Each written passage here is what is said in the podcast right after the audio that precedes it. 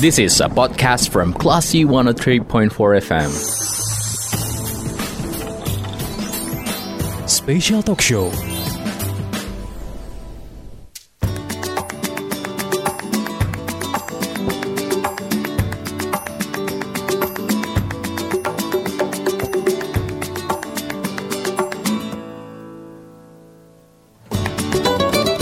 Dari Bumi Karang Putih Narung Padang 103.4 Kelas FM This is the actual radio. Assalamualaikum warahmatullahi wabarakatuh. Selamat sore Kelas People. Apa kabar Anda di hari ini? Mudah-mudahan selalu sehat Dan juga berbahagia.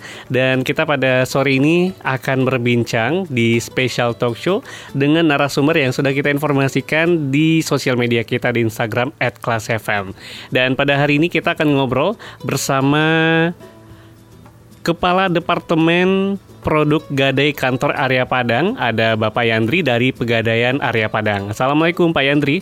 Waalaikumsalam. Selamat sore Mas uh, Faris. Faris. Uh, selamat sore uh, uh, FM. Uh, mohon maaf sebentar Pak, kita perlu cek uh, audio kita. Oke. Oke. Baik. Uh, masih belum sepertinya. Kita Halo? Ya. Ah, sepertinya juga belum. Eh, coba kita ganti dulu. Oke, kita coba ganti dulu mikrofon kita, Pak Yandri. Baik, selamat sore Oke. uh, Mas Faris. Uh, selamat sore Klasi FM. Uh, kami Pegadaian hadir lagi di Bumi Karang Putih dengan tema Pekan Raya Pegadaian dan Pegadaian Poin. Oke, pada hari ini kita akan ngobrol lagi dengan Pegadaian karena sudah sering kali kita ngobrol dengan Pegadaian karena setiap kita ngobrol pasti ada yang baru ya, Pak Yandri. Yap. Uh, kali ini yaitu tentang Pekan Raya Pegadaian dan Pegadaian Poin. Tapi sebelumnya itu masuk kita ke uh, uh, Pekan Raya Pegadaian dan Pegadaian Poin tersebut kita mau ngobrol lagi nih Pak. Kita mau ngulas lagi soal Pegadaian yang mungkin masyarakat saya yakin banget sudah tahu dengan tagline-nya salah satunya itu uh, mengatasi masalah tanpa masalah. Kemudian juga salah satu produknya adalah produk gadai. Tapi secara umum boleh dijelaskan kembali nggak Pak? Pegadaian itu apa? Silakan Bapak. Pegadaian yaitu badan usaha milik negara, ya, yang bergerak di bidang jasa gadai dan eh, jasa lainnya, ya.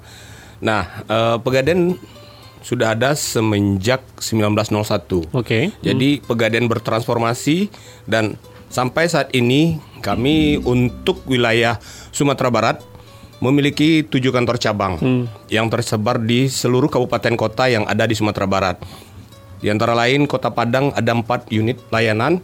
Eh, eh, maksud saya empat eh, kantor cabang, satu Pegadaian Syariah, ada di Bukit Tinggi kantor cabang, ada di Solok dan Sungai Penuh. Jadi wilayah kerja kita itu seluruh Sumatera Barat dan eh, sebagian eh, Kerinci. Oke, Pegadaian sudah hadir sejak tahun 1901. Betul, Mas. Eh, sejak sebelum masa kemerdekaan itu apakah memang sejak dulu itu sudah dengan nama Pegadaian atau, atau bagaimana, bagaimana Pak Yandri? Ya, sebelumnya Pegadaian itu pada zaman Belanda bernama eh, Bank van Lening. Oke. Jadi Pegadaian sel- eh, ber, ber- apa bertransformasi mulai dari eh, Perjan Hmm? ke Perum, PT dan sekarang kita sudah uh, holding mikro dengan Bank BRI dan PNM. Oke. Jadi kami sudah ber holding dengan BRI, Pegadaian dan PNM. Oke, saat ini eh, sudah banyak ya mungkin transformasi dari tahun 1901 hingga saat ini tahun 2023. Dan orang yang paling banyak tahu dengan produk dari Pegadaian adalah produk gadainya. Ketika kita butuh dana, kemudian kita menggadaikan barang yang kita punya ke Pegadaian. Apakah hanya terbatas di gadai saja Bapak atau ada produk-produk lain yang dimiliki oleh Pegadaian? Ya, kami kan eh, masyarakat awam tahunya bahwa Pegadaian itu hanya tempat menggadai. Hmm. Sebenarnya sekarang semenjak eh, transformasi ini kita sudah banyak bermacam produk yang ada. Selain dari gadai itu kan usaha utama kita jasa gadai tadi. Tapi di sana untuk butuh modal salah satunya gadai. Oke. Kemudian bagi yang mau berinvestasi ada lagi untuk seperti produk eh, mulia itu cicilan mas, arisan mas gitu kan. Kemudian yang mau pembiayaan, mau beli motor, mau beli mobil ada lagi produknya. Jadi kita sudah sudah banyak uh, bermacam produk termasuk juga mau bayar-bayar juga ada di Pegadaian. Ya. Mau bayar listrik, bayar BPJS dan bayar-bayar lainnya. Jadi di Pegadaian itu kalau boleh dibilang itu palu gada. Kalau gak ada, apa yang lu mau, gua lu mau, ada gitu gua ya. ada Pak? gitu. Oke, salah satunya juga ada yang eh, logam mulia, ada produk untuk eh, cicil emas. Harum Gade- haji ada juga. Harum haji. Jadi seperti sekarang ini ya eh, masyarakat sebagian besar itu yang mau berangkat haji itu yang daftar itu sudah di usia di atas 50 tahun. Ya, hmm. Sebenarnya Mas Baris kalau kita lihat karena jaraknya sekarang sudah makin jauh. Maksudnya itu sekarang kita dapat seat Hmm. tapi belum belum tentu kita akan Iya. berangkat. Itu Mhm. bisa jadi kita berangkat 20 atau sampai 30 tahun ke depan. Jadi kalau kita daftar, makanya kita sekarang ini bidik yang masih generasi muda. Oke. Hmm. Eh, mulai sekarang udah boleh cicil gitu. Hmm. Cicil untuk berangkat haji gitu. Jadi jangan nanti setelah baru di usia 50 kita baru mulai nyicil. Mulai nyicil nanti kalau seandainya berangkat 20 atau 30 tahun kira-kira di usia berapa kita? Paling tidak 70 atau Hmm. 80. Di usia segitu kita sudah tidak kuat lagi untuk Ya. melaksanakan. Kita tahu ibadah haji itu ibadah yang membutuhkan fisik Iya, dan juga finansial. finansial Hmm. ya kan. Jadi haji itu bagi yang mampu baik secara fisik maupun secara finansial. Nah, ini mulai sekarang kami menghimbau pada kesempatan ini juga khususnya masya- khususnya masyarakat muslim Mhm. yang berada di Sumatera Barat. Mulai dari sekarang lah generasi muda 40, 30, 40 sudah nggak ada masalah. Keren loh. Muda-muda sudah Ya, calon haji. Calon haji, amin Ya, insya Allah. ya. Baik, eh, ngomongin soal eh, arum haji nih Pak, kan kita eh, mikirnya masih muda nih, duit belum banyak. Ya. Dan kalau misalkan kita untuk memesan atau booking deh ya istilahnya, itu kan butuh duit yang nggak banyak. Apakah memang eh, ada kemudahan yang di provide, yang disediakan oleh Pegadaian sehingga Bapak bilang tadi anak muda udah udah harus dari sekarang untuk eh, nabung haji gitu. Ya, tadi haji itu kan eh, namanya eh, ibadah yang eh, harus setidak-tidaknya mampu ya secara Hmm, finansial. iya. Nah, sekarang se- 25 juta DP yang harus kita bayar untuk dapat seat tadi, Iya. itu kan pegadaian nanti yang tanggung. Hmm. Tapi sebagai jaminannya hanya dengan 3 gram saja Oke. logam mulia, Hmm. kita sudah bisa dapatkan seat. Sisanya nanti kita cicil untuk pembayarannya. Logam mulia yang kita jadikan jaminan tadi Hmm. di pegadaian itu nanti kembali lagi buat kita setelah Iya. cicilan kita lunas itu jadi makanya mulai sekarang mindset kita Yeah. berusaha untuk berubah mindset kemarin kita sempat juga bicara bicara bincang dengan eh, kantor departemen agama Hmm. beliau sendiri sudah jadi pembina apa Yeah. pendamping haji dan merasakan yang tua-tua itu kasihan di sananya itu gitu jadi makanya kami menghimbau ayo kita rubah mindset bagaimana supaya keren loh kalau anak muda sudah semas Paris ini wah saya sudah dapat tiket loh Udah bantu buat booking buat orang tua juga gitu ya Pak? itu lebih lebih keren lagi Iya. lebih mulia lagi kalau udah bisa kita berangkatkan orang tua Hmm. untuk haji gitu kan Oke, itu salah satu produk eh, dari Pegadaian itu Arum Haji yang nanti juga bisa dinikmati oleh masyarakat dan masyarakat. tentunya tidak menyulitkan. Ada kemudahan-kemudahan yang diberikan. Lalu juga ada eh, tabung emas. tabung emas Lalu juga ada galeri 24 dari Pegadaian juga ya Pak. Iya. Itu bagaimana? Apa yang saat ini sedang disasar oleh Pegadaian dengan adanya galeri 24 tadi, kemudian juga tabungan emas? kalau kita lihat ya eh, investasi sekarang Hmm. banyak instrumen yang bisa kita gunakan anak muda suka bermain di saham Ya. monggo silakan tapi eh, orang bijak bilang jangan letakkan telur dalam satu keranjang Artinya apa Pak? artinya kalau seandainya keranjang yang satu ini jatuh kita nggak rugi-rugi amat Hmm, kita oke. punya banyak keranjang gitu jadi mungkin kita mau berinvestasi di saham ya silahkan mau berinvestasi di tanah atau di instrumen lain silahkan Hmm. tapi salah satu instrumen investasi yang cukup menjanjikan ya tapi kalau emas bukan jangka pendek Iya, ya cukup lah paling setahun atau dua tahun Kita Itu- pernah bahas itu sebelumnya Pak. Kalau soal soal emas itu kan memang eh, dalam waktu itu kita tidak tidak rata- rata-rata kita nggak bakal rugi lah ya Pak Ya, soal nggak- kalau nggak emas rugi, gitu ya. nggak Hmm. rugi. Saya sendiri sudah saya masuk praktisi di situ. Saya Oke. juga sudah mengalami turun naiknya emas dan selama ini Hmm. Lebih saya sering naiknya. Hmm. Saya menikmati eh, eh, dari apa ya istilahnya itu bisa membeli masa depan dengan harga sekarang. Oke, membeli masa depan dengan harga sekarang. Membeli masa depan dengan harga sekarang. Bagus banget tagline-nya, Pak. Ya, tapi kalau tagline yang lebih bagus lagi, kalau bahasa Minangnya itu Hmm? Baliame sakete sakete. Sakete sakete Baliame. Keren. Oke, baik. Nah, Pak, eh, itu eh, sekian dari banyak produk-produk yang memang dimiliki oleh Pegadaian, yang tentunya adalah untuk kemaslahatan masyarakat di Indonesia. Dan dengar-dengar dalam waktu dekat juga kan Pegadaian akan menyelenggarakan sebuah kegiatan yang kalanya sebagai komitmen Pegadaian dalam rangka meningkatkan inklusi keuangan untuk masyarakat pada umumnya dan khususnya bagi eh, pelaku UMKM yang ikut menjadi misi Pegadaian memperluas jangkauan UMKM dan juga meningkatkan proposisi nilai ke nasabah dan juga stakeholder. Ini boleh dijelasin Pak, kira-kira kegiatan apa yang akan diselenggarakan oleh Pegadaian dalam waktu dekat ini? Baik, Mas Baris dan Classy People. Eh, Pekan Raya Pegadaian itu adalah kegiatan yang merupakan acara pameran modern Hmm, yang dilaksanakan secara serentak mulai dari tanggal 13 sampai dengan 15 Oktober 2023 berlokasi di 12 kota di seluruh Indonesia. Oke. Jadi ini serentak dilaksanakan yang terbuka dan ditujukan untuk masyarakat umum. Khususnya kalau untuk area Pekanbaru Ya. Itu eh, kita kita pusatkan di Pekanbaru. Hmm. Acara itu dimulai pada tanggal 11 Oktober sudah. Oke. Jadi besok sudah mulai pembukaannya. Meskipun puncaknya nanti tanggal 13 sampai 15, tapi untuk di Pekanbaru kita sudah mulai eh, melaksanakan pada tanggal 11, 11. Oktober besok. Gitu, Mas. Oke, eh, kegiatan Pekan Raya Pegadaian. Ini sebenarnya kegiatan apa yang dilakukan? Bagaimana konsep yang memang eh, dimiliki oleh Pegadaian dalam kegiatan ini? Ya, Pekan Raya Pegadaian ini memiliki tiga rangkaian kegiatan utama. Hmm.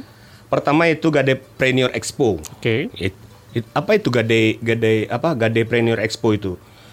Itu merupakan inisiatif Pegadaian dalam mewujudkan misi program untuk membentuk UMKM yang tangguh dan mandiri dengan memberikan edukasi keuangan dan pengembangan kapasitas usaha bagi para pelaku UMKM melalui program Gadepreneur yaitu apa?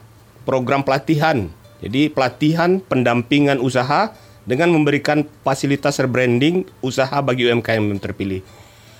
Jadi kita mem- memiliki beberapa eh, UMKM yang di bawah binaan kita. Oke, hmm. Ya, jadi nah it, UMKM itu nanti akan kita lakukan eh, pelatihan kepada UMKM itu dan kita berikan pendampingan usaha. Jadi setelah kita latih tidak kita lepas gitu aja. Hmm, Jadi kita dampingi mereka supaya bagaimana mereka bisa tumbuh dan besar bersama dengan pegadaian nantinya Oke. itu selain selain terdapat pameran produk dari UMKM juga akan dilaksanakan juga pameran produk pegadaian serta bazar emas. Nah, di bazar emas ini ini kita bisa milih banyak uh, barang-barang yang uh, bisa kita beli oleh masyarakat dengan harga terjangkau. Dengan harga terjangkau dan model-model yang cukup bagus. Iya. Kemudian ada jasa pencucian emas juga. Jadi bagi oke. masyarakat yang hadir pada saat dilakukan expo nanti boleh nyuci emas gratis. Nyuci emas itu maksudnya apa, Pak? Jadi emas yang kita kan punya emas, Hmm. terus eh, sering dipakai. Ya. Nah pasti ada dong. Agak-agak kusam gitu ya, Pak? kusam Hmm, gitu. Nah hmm. silakan datang nanti ke expo pameran expo kita itu gratis. Kemudian eh, akan dilaksanakan beberapa kegiatan melibatkan masyarakat seperti ada lomba. Hmm. Lomba-lomba itu panggung hiburan bagi masyarakat serta tebus murah sembako. Ini Oke. yang menarik lagi tebus murah sembako ini. Oke. Kemudian yang kedua ada eh, literasi keuangan dalam rangkaian program Bulan Inklusi Keuangan. Jadi ini eh, sesuai instruksi dari otoritas jasa keuangan yaitu pemberian literasi dan inklusi keuangan bagi masyarakat yang hadir dalam pekan raya Pegadaian itu.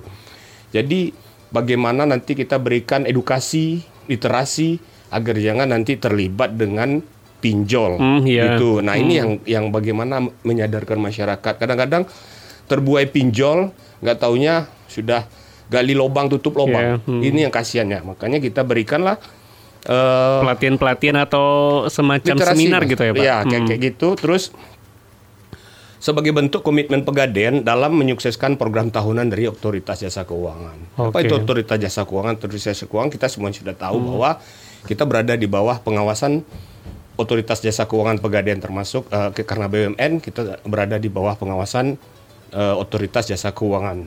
Jadi itu salah satunya. Kemudian penyerahan hadiah undian pegadaian poin periode pertama. Iya. Hmm. Ini merupakan rangkaian kegiatan dari program Pegadaian Poin tahun 2023 yaitu berupa seremonial hmm. penyerahan hadiah kepada para pemenang program Pegadaian Poin di 12 kantor wilayah.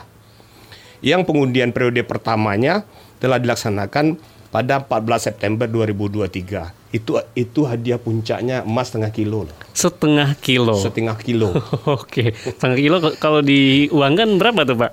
500 jutaan. Masya Allah, 500 jutaan. Jadi classy people buat anda ya mungkin memang uh, nantinya tertarik dengan apa yang sudah dijelaskan oleh Pak Yandri tadi bisa datang langsung ke uh, lokasi acara yaitu di Mall Living Pekanbaru ya, ya Pak. Living World Pekanbaru. Living World Pekanbaru yeah. dari tanggal 11 uh, sampai dan 15. sampai 15 puncak di, di tanggal 13 sampai sampai 15 yeah. Oktober 2023. Yeah. Dan kita akan lanjutkan obrolan kita nanti Pak di sesi berikutnya dan tentu kita akan menggali lebih dalam tentang Pekan Raya Pegadaian dan juga Pegadaian Poin yang memang sudah disediakan oleh Pegadaian. Dan untuk Anda kelas people yang ingin bertanya bisa WhatsApp di nomor 0812 660 1034 juga bisa telepon di nomor yang sama. Jangan ke mana-mana, pastikan Anda kepincun di 103,4 kelas FM. This is the actual radio.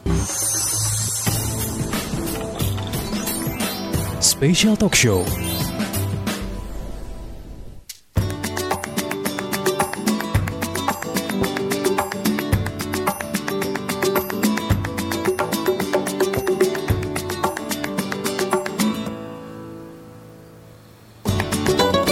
Empat kelas FM, this is the actual radio. Kelas People masih dalam special talk show bersama Kepala Departemen Produk Gadai Kantor Area Padang, uh, dari Pegadaian ada Bapak Yandri dengan pembahasan kita seputar Pekan Raya Pegadaian dan juga Pegadaian Poin. Tadi sudah sempat di sesi pertama kita membahas tentang uh, Pekan Raya Pegadaian yang akan dilaksanakan dari tanggal 11 sampai 15 Oktober 2023 yeah. dengan puncak di tanggal 13 sampai 15 Oktober ini kegiatannya akan dilaksanakan di Pekanbaru. Sebenarnya serentak di seluruh Indonesia ya, Pak? Ya, di seluruh Indonesia hmm. di 12 kota di seluruh Indonesia. Oke, okay. kalau untuk yang di Kota Padang bisa mampir ke Pekanbaru. Ke Pekanbaru. Jadi memang uh, hanya 12 kota yang yang yang kebagian untuk tahun ini. Hmm. Jadi mungkin next time uh, kita akan lebih lebih sebar lagi. Jadi agar lebih masif lagi bagaimana pekan raya pekan uh, pekan raya Pegadaian ini hmm.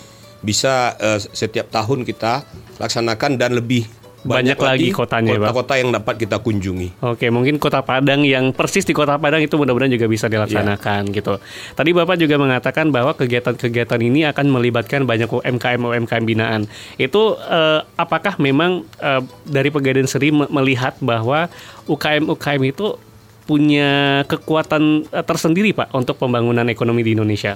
Iya, uh, UMKM kita tahu jumlahnya bukan sedikit. Hmm uh, ribuan, mungkin udah ratusan ribuan jumlah UMKM yang ada di Indonesia. Apa di di di Sumatera Barat saja ribuan jumlah UMKM yang ada. Ini suatu kekuatan yang sangat dahsyat yang pada saat krisis mereka itu tidak terdampak loh. UMKM ini tidak terdampak krisis. Mereka walaupun kecil tapi sudah menggurita. Hmm, iya. Jadi yeah. ini yang yang perlu bagaimana membesarkan lagi UMKM UMKM di Indonesia ini, ya. Jadi eh, semangat itulah kami dari Pegadaian melirik karena sebagian besar juga dari nasabah kami yang ada itu merupakan uh, UMKM UMKM jadi gitu. Jadi memang uh, apa yang jadi tema, apa yang jadi fokus dari uh, Pekan Raya Pegadaian ini terhadap UMKM ya seperti gitulah kami melihatnya. Oke, baik. Dengan melihat uh, perputaran ekonomi yang dilakukan karena UMKM ini, maka Pegadaian melihat ini juga potensi-potensi yang luar biasa yang Selain harus potensi peluang juga bagi hmm. kami, peluang bagi kami bagaimana uh, di sini kita bisa membantu dan uh, memberikan mengucurkan dana, hmm. ya. Salah satunya itu produk mikro, yeah. ya mikro kemarin kur kur syariah yang yang sudah kita launching hmm. kegiatan itu dan sekarang pun masih uh, kita laksanakan khususnya untuk MKM MKM. Oke, baik. Mudah-mudahan nanti ini kegiatan yang akan dilaksanakan ini juga berjalan lancar besok ya Pak. Amin. Ini akan dilaksanakan. Baik. Kemudian tadi Bapak juga sempat menyinggung soal pinjol nih Pak. Iya. Karena kegiatan ini juga diawasi oleh otoritas jasa keuangan yang memang eh, tadi salah satu yang kegiatan yang akan dilaksanakan adalah literasi keuangan.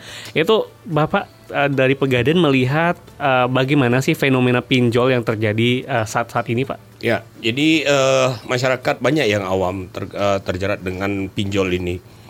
Kadang-kadang ada juga yang tidak seluruh juga, saya yakin tidak seluruh masyarakat eh, yakin dengan pegadaian. Masih ada yang datang, pegadaian ini apa sih? Hmm? Punya siapa sih? Milik saham siapa gitu? Masih ada pertanyaan se- seperti gitu. Pegadaian ini badan usaha milik negara, BUMN. Jadi kita itu di bawah betul kata Mas Faris tadi bahwa kita ber- diawasi oleh otoritas jasa keuangan. Nah, penting sekali ini merupakan tanggung jawab kami selaku eh, lembaga yang menyalurkan pinjaman kepada Iya. masyarakat, memberikan literasi dan edukasi.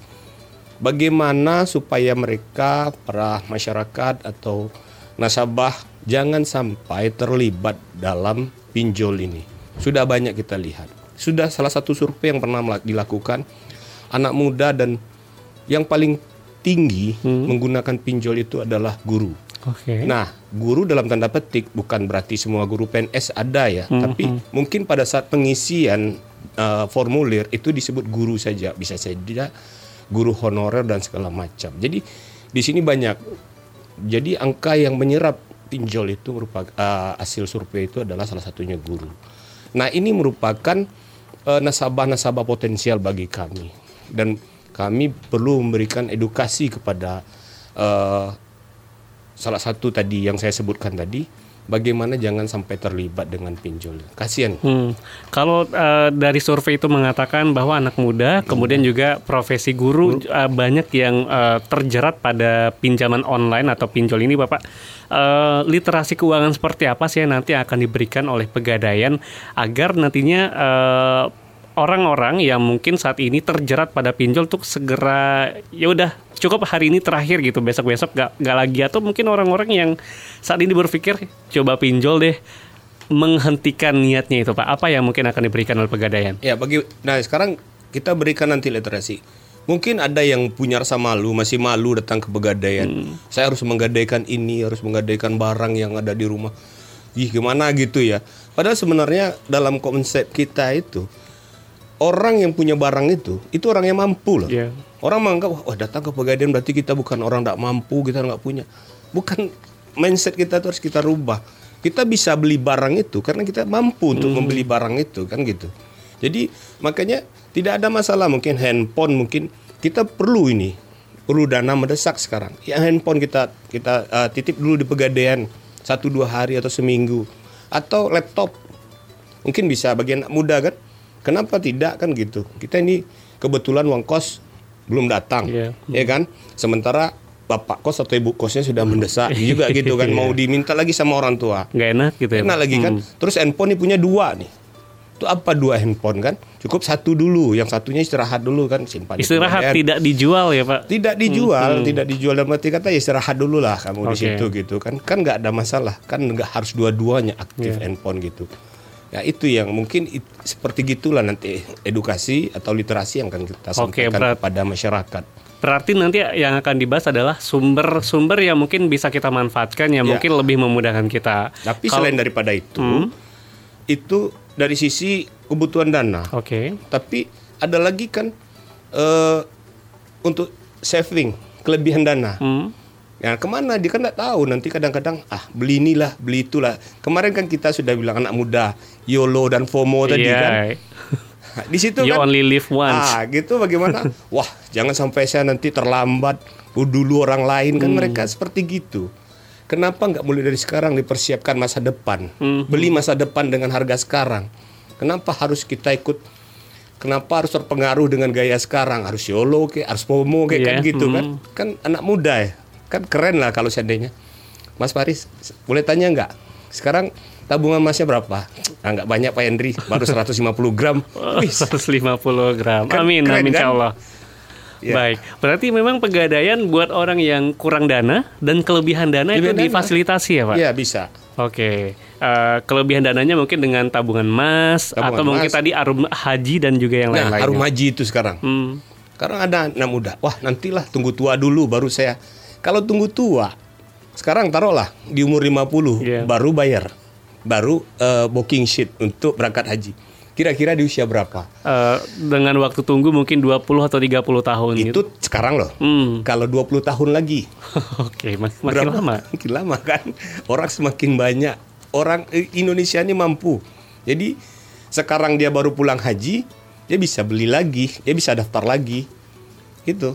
Oke, cukup banyak nanti dan komprehensif eh, apa yang akan dilaksanakan dalam Pekan Raya Pegadaian Ya. eh, di tanggal 11 sampai tanggal 15, 15. Oktober 2023. Untuk yang di kawasan Batam, Kota Padang dan juga Pekanbaru itu nanti akan dilaksanakan di Mall Living World Pekanbaru ya, Pak. Baik, lalu nanti juga ada Pegadaian Poin eh, periode pertama tahun 2023 akan dilaksanakan penyerahan hadiah undian itu bagaimana nanti Pak Eh, mekanisme yang akan dilakukan oleh Pegadaian? Jadi eh, undian tahap pertama ini kan sudah kita undi di Jakarta. Hmm. Jadi eh, untuk eh, daerah Pekanbaru yang eh, wilayah Pekanbaru tadi itu akan kita serahkan secara simbolis Hmm. nanti eh, siapa yang dapat. Yang kalau tidak salah saya dari Padang ada beberapa juga orang yang dapat. Oke, Nah itu mungkin akan nanti akan diserahkan secara simbolis di Pekanbaru nanti. Bapak kita eh, tahan dulu Pak karena ada telepon yang masuk. Halo, dengan siapa di mana? Halo, Mas Faris. Dengan siapa di mana? Saya Ina di Ina di Bandar Buat, Pak. Ina di Bandar Buat. Silahkan pertanyaannya, Mbak Ina. Ya, tadi di sesi satu ada dijelaskan tentang pendampingan UMKM oleh Pegadaian.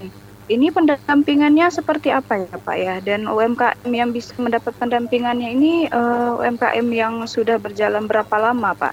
Eh, eh, sudah itu saja, Pak. Bantuan kalau boleh jawabannya. tahu, apakah Mbak Ina punya UMKM yang mungkin pengen dibantu oleh Pegadaian? Kali aja nanti bisa langsung ngobrol sama Pak Yandri. Eh, saya punya saudara yang UMKM Pak, tapi kami baru merintis Pak. Jadi kami mau menanyakan pendampingan ini seperti apa. Oke, baik. Terima kasih. Cukup pertanyaannya, Mbak Ina?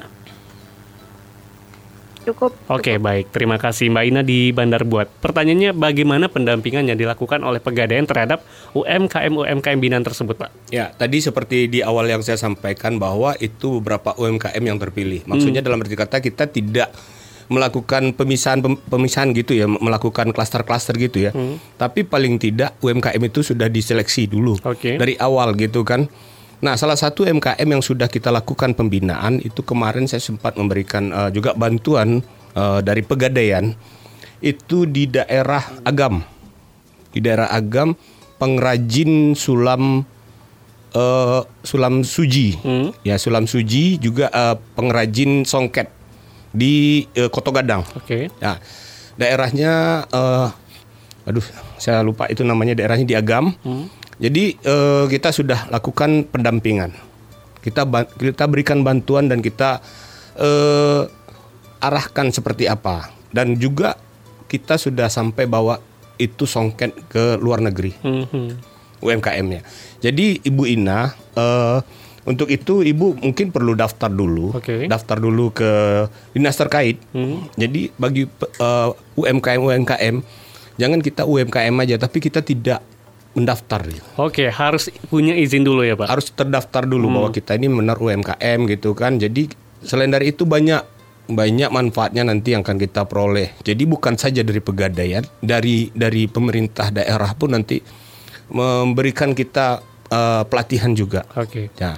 Nah dari situlah nanti beranjak dari situ dari pemerintah itu kita dapat masukan. Inilah UMKM UMKM terpilih tadi gitu. Oke, UMKM-UMKM terpilih yang sudah terdaftar di pemerintah. Lalu ketika eh, menjadi eh, UMKM binaan dari Pegadaian, syarat-syarat apa yang memang harus mereka penuhi? Misalkan nih Pak, apakah mereka harus eh, sudah punya UMKM ini berjalan lima tahun misalkan, atau punya omset sekian, punya hal-hal lain? Itu apa yang yang, harus yang dimiliki? pasti terdaftar di di di di, di dinas ya. Hmm. Yang kemudian mereka sudah uh, eksis paling tidak lima tahun atau uh, ya kalau saya tidak salah lima tahun ya. Hmm. Terus kemudian mereka sudah memiliki eh, apa eh, kegiatan yang benar-benar sudah fokus gitu. Jadi bukan berarti eh, ada UMKM kita langsung bantu gitu, nggak seperti gitu. Oke, berarti diajukan dulu. Mereka mengajukan diri begitu ya, Pak. Iya. Lalu nanti pendampingan seperti apa? Apakah pendampingan secara modal mungkin dibantu oleh eh, pegadaian atau mungkin memang ini loh eh, misalkan coaching klinik yang harus di, yang diberikan oleh pegadaian? Selain dari kita berikan nanti dalam eh, apa CSR dalam bentuk CSR, kita juga berikan coaching klinik seperti yang Mas Pari sampaikan tadi. Apa yang mereka butuhkan gitu, bagaimana eh, seperti kemarin di salah satu daerah di Sumpur kita berikan juga coaching klinik Hmm. ya ke- kepada eh, apa kepada para UMKM itu. Jadi ada juga eh, terus mereka nanti yang paling utama sekali itu sudah punya anggota. Oke. Jadi bukan mandiri gitu. A- akan lebih jadi perhatian bila mereka bersama-sama gitu. Oke. Berarti UMKM UMKM yang juga sudah Harus sudah tergabung. udah stabil juga Dalam- ya, Pak? iya. Hmm, oke. Mungkin kalau UM, UMKM yang baru merintis mungkin belum belum bisa tapi mudah-mudahan nanti Tapi itu tidak bukan istilahnya bukan kita tidak Jadi halangan melakukan. gitu ya, Pak? ah, Hmm. ah, tapi persiapkan lebih awal lagi eh, bagi eh, UMKM UMKM. Oke, misalkan kalau uh, UMKM tersebut sudah uh, menjadi UMKM binaan dari Pegadaian, itu apakah pendampingan dilakukan seumur hidup atau bagaimana, Pak? Ya, kalau UMKM itu sudah mendiri kita lepas lagi. Oke, baik, Ya siap. kita kan masih punya tanggung jawab lagi Mhm. kepada UMKM UMKM yang lain. Jadi tidak selamanya kita gendong gitu. Oke. Iya kan? Gak harus disuapin terus Gak gitu ya, disuapin Pak? terus. Hmm. Jadi kalau sudah mandiri, sudah bisa mandiri mereka, kenapa lagi harus kita gendong lagi? Kalau misalkan mandirinya lebih cepat itu lebih baik itu gitu ya. lebih baik Oke. karena it- situlah merupakan tanggung jawab eh, kami. Kami pun merasa bangga berhasil em, membesarkan UMKM UMKM yang ada di Indonesia ini, khususnya di Sumatera Barat. Oke, tentunya ini eh, bahasan yang sangat menarik sekali apalagi buat UMKM yang saat ini butuh pendampingan, butuh tambahan modal. Itu juga salah satunya bisa dibantu oleh Pegadaian, tapi harus lengkapi dulu persyaratan-persyaratan yang diperlukan agar Ya, nantinya sekali, bisa Mas menjadi UMKM binaan. Kemudian Bapak ini kan memang kegiatan yang sangat menarik ya untuk eh, kita ikuti. Pesta rakyat bisa sekaligus cuci mata, bisa sekaligus belajar, dapat edukasi dan ada tadi ada tebus sembako murah atau tebus murah sembako. Ini cara dapetinnya gimana, Pak? Eh, tapi sebelum kita menjawab hal itu, kita mau angkat lagi telepon yang masuk. Halo, dengan siapa di mana? dengan iya di Jati. Oke, tadi Mbak Iya, eh, tadi Mbak Ina, sekarang Mbak Iya di Jati. Silakan pertanyaannya. Eh, ini eh, terkait kegiatan Pekan Raya Pegadaian ini. Jadi mau nanya soal pegadaian poinnya. Oke. Nah, ini eh, pegadaian poin ini apakah penukarannya ini bisa untuk semua semua apa namanya itu misalnya kayak di pegadaian emas kan ada poinnya gitu kan. Terus misalnya di itu apakah bisa ditukar di sana atau bagaimana sistemnya? Oke, Terima baik. kasih itu aja. Baik, terima kasih Mbak Iya di Jati. Eh, bagaimana nih Pak cara menukarkan pegada, eh, poin pegadaian tadi? Itu apakah eh, poin-poin yang didapat misalkan ada transaksi di tabungan emas atau transaksi di arum haji atau transaksi dengan produk-produk pegadaian itu bisa ditukarkan semua di Pekan Raya Pegadaian ini atau bagaimana? Jadi pertanyaan Ibu Iya ini hampir sama dengan pertanyaan Mas Paris yang barusan ya. Oke. Jadi itu gampang sekali caranya. Jadi ya yang berkesempatan bisa melakukan tebus sembako murah tadi ya. Hmm. Adalah nasabah yang bertransaksi di Pegadaian dari tanggal 1 Oktober kemarin Oke. sampai dengan tanggal 14. Kan kita terakhir 15 tuh. Mhm. Jadi nasabah yang bertransaksi dari tanggal 1 sampai 11 Oktober dan membawa bukti transaksi ke Pekan Raya Pegadaian di Pekanbaru Oke. Hmm. dap- da- uh, dapat uh, voucher nanti tebus sembako murah. Jadi bukan ber- uh, jadi bukan sembako gratis loh ya. Oh, bukan sembako gratis. sembako murah. Ya sembako Baik. ya tebus ya uh, murah ya. Tapi jangan sedih Iya, ibu hmm. iya ya. Uh, buat ibu yang belum bertransaksi di Pegadaian dan belum bisa menukarkan sembako itu bisa belanja dulu di UMKM. Uh, bukan maksud saya itu bisa nanti uh, dijadikan untuk poin next time Pegadaian poin. Oke. Jadi kalau seandainya sekarang kalau Bu Iya lagi kebetulan ke Pekanbaru boleh nanti tukar di standnya Pegadaian. Hmm. Oh Pak jauh sekali nggak besar beban berat di ongkos gitu Iya, kan? iya. Ya nggak ada isu nanti disimpan aja poinnya dulu. itu jadikan akumulasi untuk dapat hadiah utama nanti Oke, eh, di eh, pengundian tahap kedua. oke. Ah gitu. Baik, berarti nanti memang eh, kegiatan ini kan ada pegadaian poin. Eh, misalkan melakukan transaksi dari tanggal 1 sampai tanggal Ya. 14 Oktober. Itu Ya. apakah memang ada angka-angka tertentu misalkan kita transaksi ini akan dapat misalkan dua poin misal begitu Pak atau Ya. memang setiap transaksi dapatnya satu poin atau gimana nanti Pak? Minimal ber- bertransaksi 100 ribu di pegadaian. Hmm. Ya bertransaksi 100 ribu dapat eh, poin di pegadaian kan. Nah jadi setiap hari itu tuh akan dapat setiap 100 ribu dapat 10 poin. Nah jadi nanti itu yang akan ditukarkan setiap hari Hmm. di selama eh, diadakannya pekan raya pekan baru tadi. Oke. Nah, itulah yang ditukar, tapi Pak Yandri saya kan harus ke Pekanbaru di Padang kan Hmm, jauh. Iya. Nah, itu makanya jangan sedih dulu kita. Kita akumulasikan aja poin-poin kita itu untuk ikut Di tahap kedua. di tahap kedua. Poin kita itu untuk memperoleh Tebus murah sembako. bukan sembako lagi. Apa lagi Pak? Itu Emasnya. undian lagi. Oke. Undian itu yang kita nanti ya mau sembako atau emas setengah kilo nanti. Oke. Baik, mudah-mudahan nanti juga bisa dinikmati oleh masyarakat. Kalau misalkan lagi di Padang, eh, belum berkesempatan untuk Pekanbaru, masih ada di tahap kedua. Tahap kedua. Baik, Bapak kita akan lanjutin obrolan kita nanti di sesi berikutnya. Kelas People, untuk Anda yang pengen nelfon atau WhatsApp bisa di nomor 0812 660 1034. Jangan ke mana-mana, keep in tune di 103,4 Kelas FM. This is the actual radio. Special Talk Show.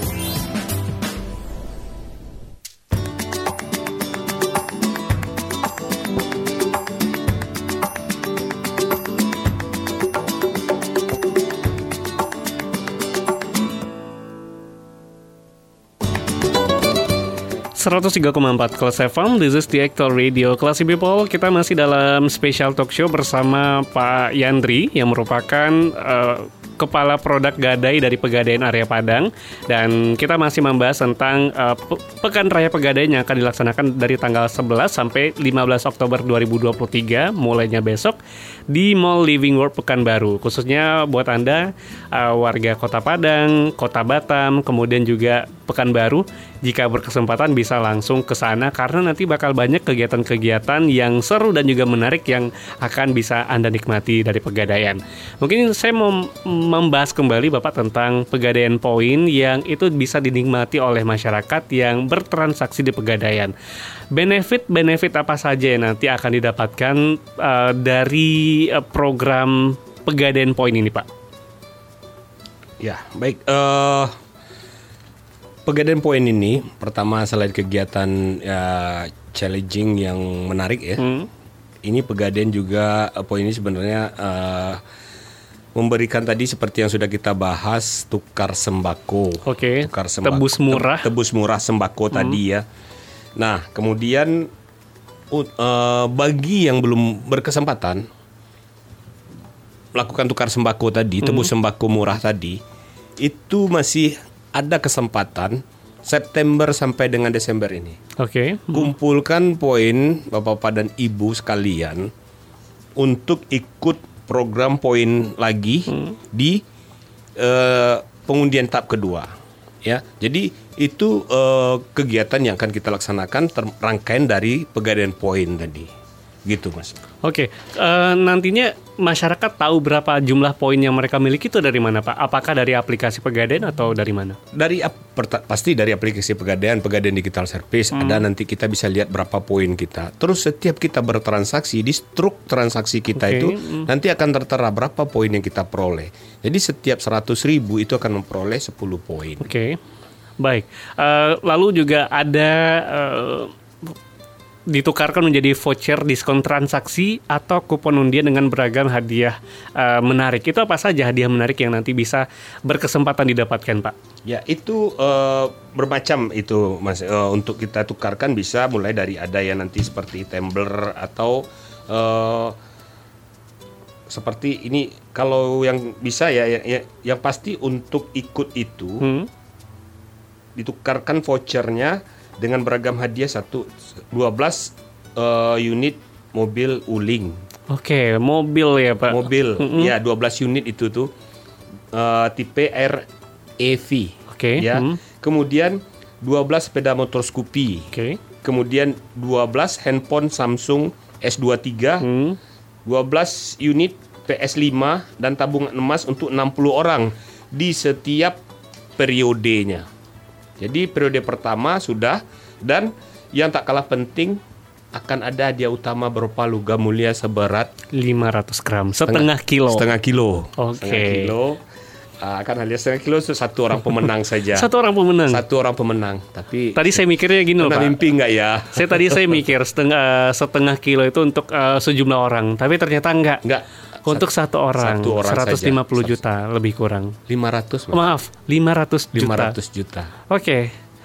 Mudah-mudahan ya berkesempatan nanti Pak eh, dari kelas people kita yang nanti akan mendapatkan eh, emas 500 eh, gram ini dan eh, ada 12 unit mobil wuling, sepeda 12 sepeda motor Scoopy. Apa sih Pak alasan dari 12 ini? Ada angka khusus memang atau bagaimana? Sebenarnya kita bagi rata nih Mas. Oke, baik. Bagi rata ke 12 Kamu- kantor wilayah kita. Hmm. Kantor wilayah kita ada di 12 12 kantor wilayah. Jadi setiap kantor wilayah memperoleh satu eh, uling, satu Scoopy. Jadi itulah angka 12 tadi. Oke, baik. Banyak sekali nanti akan kita dapatkan. Eh, lalu ini ada Pak, mungkin ada pertanyaan-pertanyaan yang muncul di eh, benak eh, di kelas people. Eh, rutin tabung emas, berarti punya harapan juga Pak bisa menang untuk undian ini? Itu betul banget. Hmm. Ya, kalau rutin nabung emas saat ini untuk transaksi produk gadai, produk pembiayaan, cicil emas dan tabung emas aja yang mendapat 10 poin setiap transaksi 100 ribu ya, berlaku kelipatan. Jadi semakin banyak bertransaksi, semakin banyak juga poin yang nanti bisa kita tukarkan. Ya, jadi makanya kita punya kesempatan untuk memperoleh hadiah-hadiah yang tadi itu Oke. yang sudah kita sebutkan masing-masing 12 tadi itu Hmm. dan hadiah utamanya Emas mulia seberat seberat 500 gram, setengah kilo. setengah kilo Oke, nilainya tidak main-main. Itu Main-main. untuk satu orang. untuk satu orang. Baik, lalu Pak, eh, kalau dulu kan orang eh, melakukan gadai eh, barang-barang mereka untuk butuh dana itu ke pegadaian langsung. Tentunya sekarang dengan kecanggihan teknologi, eh, transformasi digital, tentunya pegadaian menyesuaikan diri, eh, adjusting eh, untuk melihat perkembangan zaman saat ini. Apa saja yang mungkin sudah dilakukan oleh pegadaian untuk menyesuaikan diri juga dengan perkembangan zaman? Mungkin masyarakat eh, luas belum pada tahu ya. Hmm. Sekarang ada namanya Pegadaian Express. Oke, Pegadaian Express khususnya bagi ibu-ibu muda, generasi muda. Mungkin kalau saya yang, senior ya, mungkin eh, bukan mengecilkan arti itu ya. Itu gadai dari dari lewat handphone saja, Mas. Hmm. Jadi sekarang contohnya Mas Paris lagi di Karang Putih nih loh, ya di Indarung. di Indarung. Terus saya mau gadai lah, tapi saya malas keluar dan lagi pula saya ini mau siaran, ya kan? Langsung dari dari handphone saja, nanti Gojek akan datang menjemput ke sini. Mas tinggal pilih, kan ada OPC Indarung di sini. Iya, hmm. Bisa dari san, de- pilih saja salah satu outlet Pegadaian, kasihkan barang, nanti melalui Gojek itu akan mengantarkan barang kita ke outlet Oke. yang kita tunjuk. Mhm. Nah, nanti diproses oleh petugas uang kita seberapa kita butuh. Sudah kita sebutkan dari awal. Oke. Nanti akan ditransfer melalui rekening kita. Jadi sebegitu bagaimana kita agar nasabah itu lebih nyaman lagi bertransaksi. Nggak harus antri di depan loket. Kemudian dengan aplikasi Pegadaian Digital. Service Hmm. eh, kita bisa tentukan jam berapa kita mau datang gadai. Pak Mas sekarang, wah jangan jam 10 lah, jam 10 saya masih ribet kayaknya saya harus ah, setelah makan siang. Kita pilih jam berapa kita mau datang. Jadi booking gadai namanya. Banyak eh, fitur-fitur yang bisa dimanfaatkan oleh masyarakat eh, melalui Pegadaian Digital Service atau Pegadaian Digital Syariah tadi. Oke, petugas pegadaian juga bisa datang ke rumah ya, Pak? Itu yang namanya gadai eh, jemput gadai. Oke. Minimal pinjamannya 10 juta, Hmm. tinggal di calling saja, kita datang langsung uangnya ditransfer. Oke, kalau dulu kita uh, sebagai masyarakat perlu effort juga. Kalau misalnya kita, kita butuh duit, kita effort bawa barang bawa kita barang. ke Pegadaian, hmm. kemudian nanti ngantri dulu. Kalau sekarang karena kecanggihan teknologi dengan ada uh, aplikasi Pegadaian Digital Service, masyarakat juga sudah bisa memanfaatkan.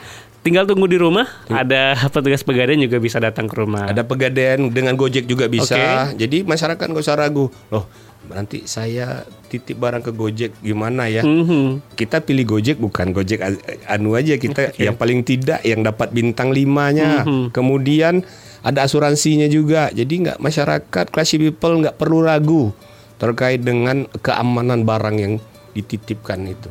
Nanti okay. tebusnya juga boleh lagi. Mm-hmm. Kebalikan dari tadi itu. Kemudian saya punya logam mulia tapi ini ada mau gade 100 juta atau saya punya perhiasan malaslah datang ke Pegaden harus uh, ganti baju harus saya mau petugas saja yang datang ke rumah untuk menaksir nggak ada masalah gitu oke okay. baik kita siap layani itu sangat komprehensif pembahasan kita tentang pegadaian Pak. Uh, yep. Kita sudah uh, beberapa kali ngobrol soal pegadaian. Ada arum haji, lalu ada pegadaian uh, tabung emas, yeah. kemudian juga gadepreneur dan lain-lain sebagainya. Itu adalah pembahasan-pembahasan yang nggak bakal ada habisnya tentang pegadaian yang bisa dinikmati oleh masyarakat.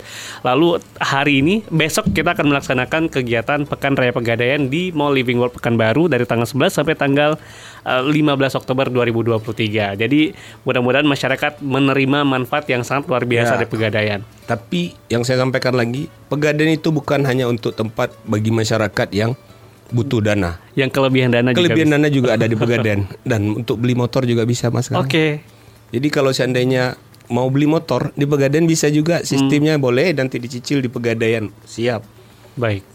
Baik, uh, karena waktu juga nih Pak yang ya, membatasi Faris, kita, terima kasih. Uh, kita minta closing statement dari Pak Yandri ya. untuk menutup uh, pembahasan kita pada hari ini.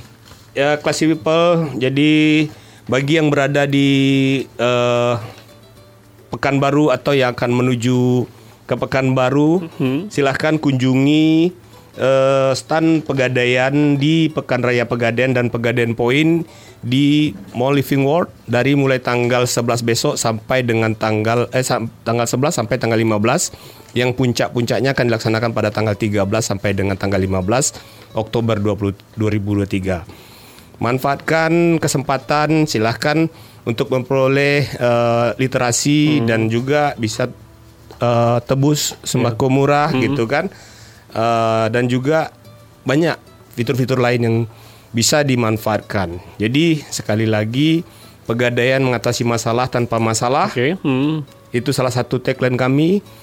Sakete sakete baliame, baliame sakete sakete. Jadi jangan lupa itu silakan manfaatkan layanan kami di Pegadaian. Dan satu lagi tagline dari Bapak yang saya suka adalah beli masa depan dengan harga sekarang. Beli masa depan dengan harga sekarang. Baik.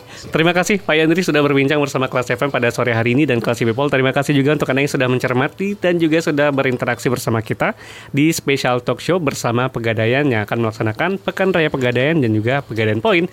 Akhirnya kita berdua pamit. Terima kasih. Wassalamualaikum warahmatullahi wabarakatuh. And then see you.